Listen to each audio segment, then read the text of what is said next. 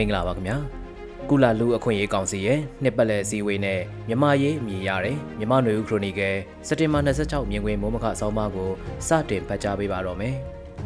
ဆွစ်ဇာလန်နိုင်ငံဂျနီဗာမြို့မှာကျင်းပတဲ့ကုလသမဂ္ဂလူ့ခွင့်ရေးဆိုင်ရာကောင်စီရဲ့54ကြိမ်မြောက်နှစ်ပတ်လည်အစည်းအဝေးမှာမြန်မာနိုင်ငံမှာဖြစ်ပွားနေတဲ့လူ့ခွင့်ရေးချိုးဖောက်မှုတွေနဲ့ပတ်သက်လို့ကုလလူ့ခွင့်ရေးမဟာမင်းကြီးဗော်ကာတက်ကအစီရင်ခံခဲ့ပြီးတိုက်တွန်းချက်အနေနဲ့ ICC နိုင်ငံတကာရာဇဝတ်ခုံရုံးကို လွှဲပြောင်းကင်တွယ်ဖို့တိုက်တွန်းခဲ့တယ်လို့သတင်းတွေမှာဖော်ပြထားတာတွေ့ရပါတယ်။ SACM လို့ခေါ်ဆိုတဲ့မြန်မာနိုင်ငံဆိုင်ရာအထူးကြံပေးကောင်စီယမနစ်ဒီဇင်ဘာလကလေးကမြန်မာနိုင်ငံမှာဖြစ်ပွားနေတဲ့လူ့ခွင့်ရေးချိုးဖောက်မှုတွေကို ICC အနေနဲ့အရေးယူဖို့တိုက်တွန်းတဲ့ကြေညာချက်ထုတ်ပြန်မှုတာလည်းဖြစ်ပါတယ်။အဲဒီတိုက်တွန်းချက်မှာတော့လူ့ခွင့်ရေးချိုးဖောက်မှုတွေအတွက်တာဝန်ရှိတဲ့စစ်ကောင်းဆောင်တွေကို ICC ကအရေးယူဖို့ဒါမှသာကျူးလွန်မှုတွေရပ်တန့်သွားမယ်ဆိုတဲ့သဘောမျိုးတိုက်တွန်းထားတာဖြစ်ပါတယ်။ ကုလလူခွင့်ရေးဆိုင်ရာမင်းကြီးကမြန်မာနိုင်ငံကလူခွင့်ရေးချိုးဖောက်မှုတွေနဲ့ပတ်သက်တဲ့ကိန်းဂဏန်းတွေကိုတင်ပြသွားပြီးမြန်မာစစ်ကောင်စီအနေနဲ့ကုလသမဂ္ဂလုံခြုံရေးကောင်စီရဲ့ဆုံးဖြတ်ချက်ကိုလည်းလိုက်နာခြင်းမရှိဘူးလို့ပြောဆိုသွားပါတယ်။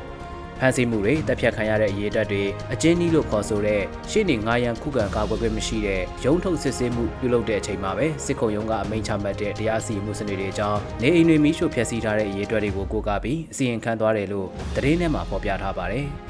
ဒီအချက်လက်တွေဟာသတင်းနေတဲ့သူတေသနာလောက်အချက်လက်မှတ်တမ်းတင်ကောက်ယူတဲ့အဖွဲ့အစည်းတွေနဲ့ကုလသမဂ္ဂအဖွဲ့အစည်းတွေရဲ့ထုတ်ပြန်ချက်တွေမှာပါရှိပြီးသားကိန်းဂဏန်းတွေဖြစ်လို့အသစ်ဆန်းတော့မဟုတ်ဘူးလို့ဆိုလိုနိုင်ပါတယ်။ကုလလူခွင့်ရေးမင်းကြီးကိုတိုက်တွန်းသလို ICC အနေနဲ့လူခွင့်ရေးချိုးဖောက်မှုတွေအတွက်တာဝန်ရှိတဲ့မြန်မာစစ်ကောင်ဆောင်တွေကိုအရေးယူနိုင်မလားဆိုတဲ့မေးခွန်းလည်းရှိလာတာဖြစ်ပါတယ်။ မြန်မာနိုင်ငံဟာ ICC ရဲ့သဘောတူညီမှုမှာလက်မှတ်ထိုးထားခြင်းမရှိတဲ့အတွက်လည်းမြန်မာနိုင်ငံကကျူးလွန်မှုတွေအတွက် ICC အနေနဲ့စီရင်ပိုင်ခွင့်မရှိဘူးလို့ရေပုံရအဖြစ်နားလည်ကြပါတယ်။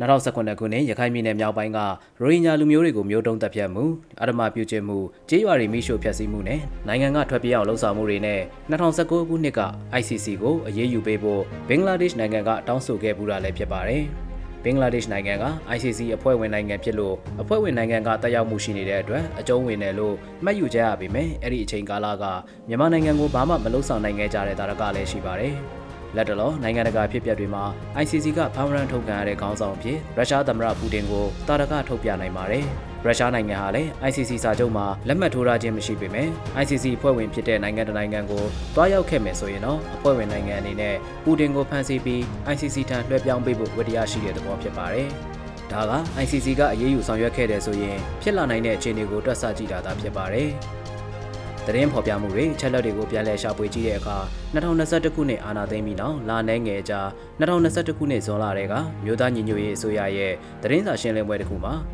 မြို့သားညီညွတ်ရေးအစိုးရအနေနဲ့စစ်ကောင်စီကို ICC မှာတရားစွဲဆိုရေးယူနိုင်ဖို့ထောက်ထားတွေပြင်ဆင်နေတဲ့အကြောင်းလူခွင့်ရေးချိုးဖောက်မှုထောက်ထား၄သိန်းခန့်စုဆောင်းထားပြီးတဲ့အကြောင်းကို NUG ဝန်ကြီးတဦးဖြစ်တဲ့ဒေါက်တာဆဆာကသတင်းမီဒီယာကိုလည်းပြောဆိုခဲ့ပါတယ်။အဲဒီကာလနဲ့နှိုင်းယှဉ်လိုက်မယ်ဆိုရင်အခုချိန်မှာကျူးလွန်မှုကိန်းဂဏန်းတွေက၄၅ဆမကရှိလာနေတာလည်းဖြစ်ပါတယ်။ ကုလလုံခြုံရေးကောင်စီ ICC စတဲ့နိုင်ငံတကာအရေးယူဆောင်ရွက်ဖို့ကြိုးပမ်းချက်တွေတိုက်တွန်းချက်တွေကျင့်ဝတ်ပိုင်းဆိုင်ရာစိတ်ဓာတ်ပိုင်းဆိုင်ရာအားပေးထောက်ခံမှုတွေအနေနဲ့သဘောတရားအရတော့တန်ဖိုးရှိတယ်လို့ဆိုရမှာဖြစ်ပြီးအပြင်လက်တွေ့ဘဝမှာဖြစ်ပျက်နေတာတွေကိုတားဆီးနိုင်ဖို့ရှော့ချနိုင်ဖို့နီးလန်းတွေလည်းစဉ်းစားအပြေရှားဖို့လိုအပ်မှာဖြစ်ပါတယ်။ စစ်ကောင်စီအနေနဲ့အစိုးရတရက်ဆိုတဲ့အနေအထားမျိုးကနေခုခံတိုက်ခိုက်မှုတွေတိုက်ခိုက်နေတာမျိုးထက်အနိုင်ရဖို့အတွက်ဘာပဲလုပ်ရလုပ်ရခွင့်ပြုထားတဲ့လက်နက်ကင်အဖွဲ့တစ်ဖွဲ့ရန်သူလို့မှတ်ယူတဲ့ခုခံတိုက်ခိုက်သူတွေနဲ့အတူလောက်ကင်စားတောက်နေကြတဲ့အရက်သားပြည်သူတွေရဲ့အသက်ပိုင်ဆိုင်မှုတွေကိုဖျက်ဆီးတာလူရက်တာတွေအားလုံးခွင့်ပြုထားတဲ့အခြေအနေလည်းဖြစ်ပါတယ်စစ်ကောင်စီရဲ့လေကြောင်းတိုက်ခိုက်မှုတွေကလည်းရဲသားတွေထိခိုက်ဒေဆုံးမှုနေအိမ်တွေပျက်စီးမှုနဲ့အများပြားဖြစ်စေတဲ့အကြောင်းရည်တည်းဖြစ်လာတာဖြစ်ပါတယ်။ စစ်ကောင်စီကိုတော်လန်တိုက်ခိုက်နေတဲ့ကာကွယ်ရေးတပ်ဖွဲ့တွေအနေနဲ့လည်းလက်နက်ကင်ဖွဲ့ဖြစ်လာတဲ့နောက်အဖွဲ့ချင်းချင်းကြားဖြစ်ပွားလာတဲ့ပြဿနာပရိပခလက်နက်ကင်ဖွဲ့နဲ့ပြည်သူလူထုကြားဖြစ်ပွားတဲ့ပရိပခတွေမှာအင်အားသုံးဖြည့်ရှင်းတာတွေလက်နက်အားကိုဖြည့်ရှင်းတဲ့အဖြစ်အပျက်တွေလည်းအချိန်ကြာလာတဲ့နဲ့အမျှစတင်ထွက်ပေါ်နေတာသတင်းဖော်ပြမှုတွေရကြားသိရတာဖြစ်ပါတယ်။ အချုပ်ဆိုရရင်ဆိုရလာတဲ့လူမှုရေးချိုးဖောက်မှုတွေနဲ့ပတ်သက်လို့နိုင်ငံတကာစိတ်သက်ရေးရအရာကျင်းဝေအရာရက်တီထောက်ခံမှုတွေအရာအားပေးထောက်ခံမှုတွေရှိတာမှန်ပေမဲ့လက်တွေ့ဖြစ်ပွားမှုတွေရောကြလာအောင်နီးလန်းရှာကြဖို့လည်းလိုအပ်လာတာဖြစ်ပါတယ်စစ်ရေးအရာစီမံခန့်ခွဲနေသူတွေအုပ်ချုပ်ရေးအရာတာဝန်ယူဆုံးဖြတ်နေကြတဲ့တော်လှန်ရေးအင်အားစုတွေအနေနဲ့လက်နက်ကင်နာခြင်းမရှိတဲ့အရက်သားတွေရဲ့အသက်အိုးအိမ်ပိုင်ဆိုင်မှုတွေဆုံးရှုံးမှုတွေနဲနိုင်သမျှနဲအောင်နီးလန်းရှာကြံကြဖို့လိုအပ်နေတာလည်းဖြစ်ပါတော့တယ်ခင်ဗျာ။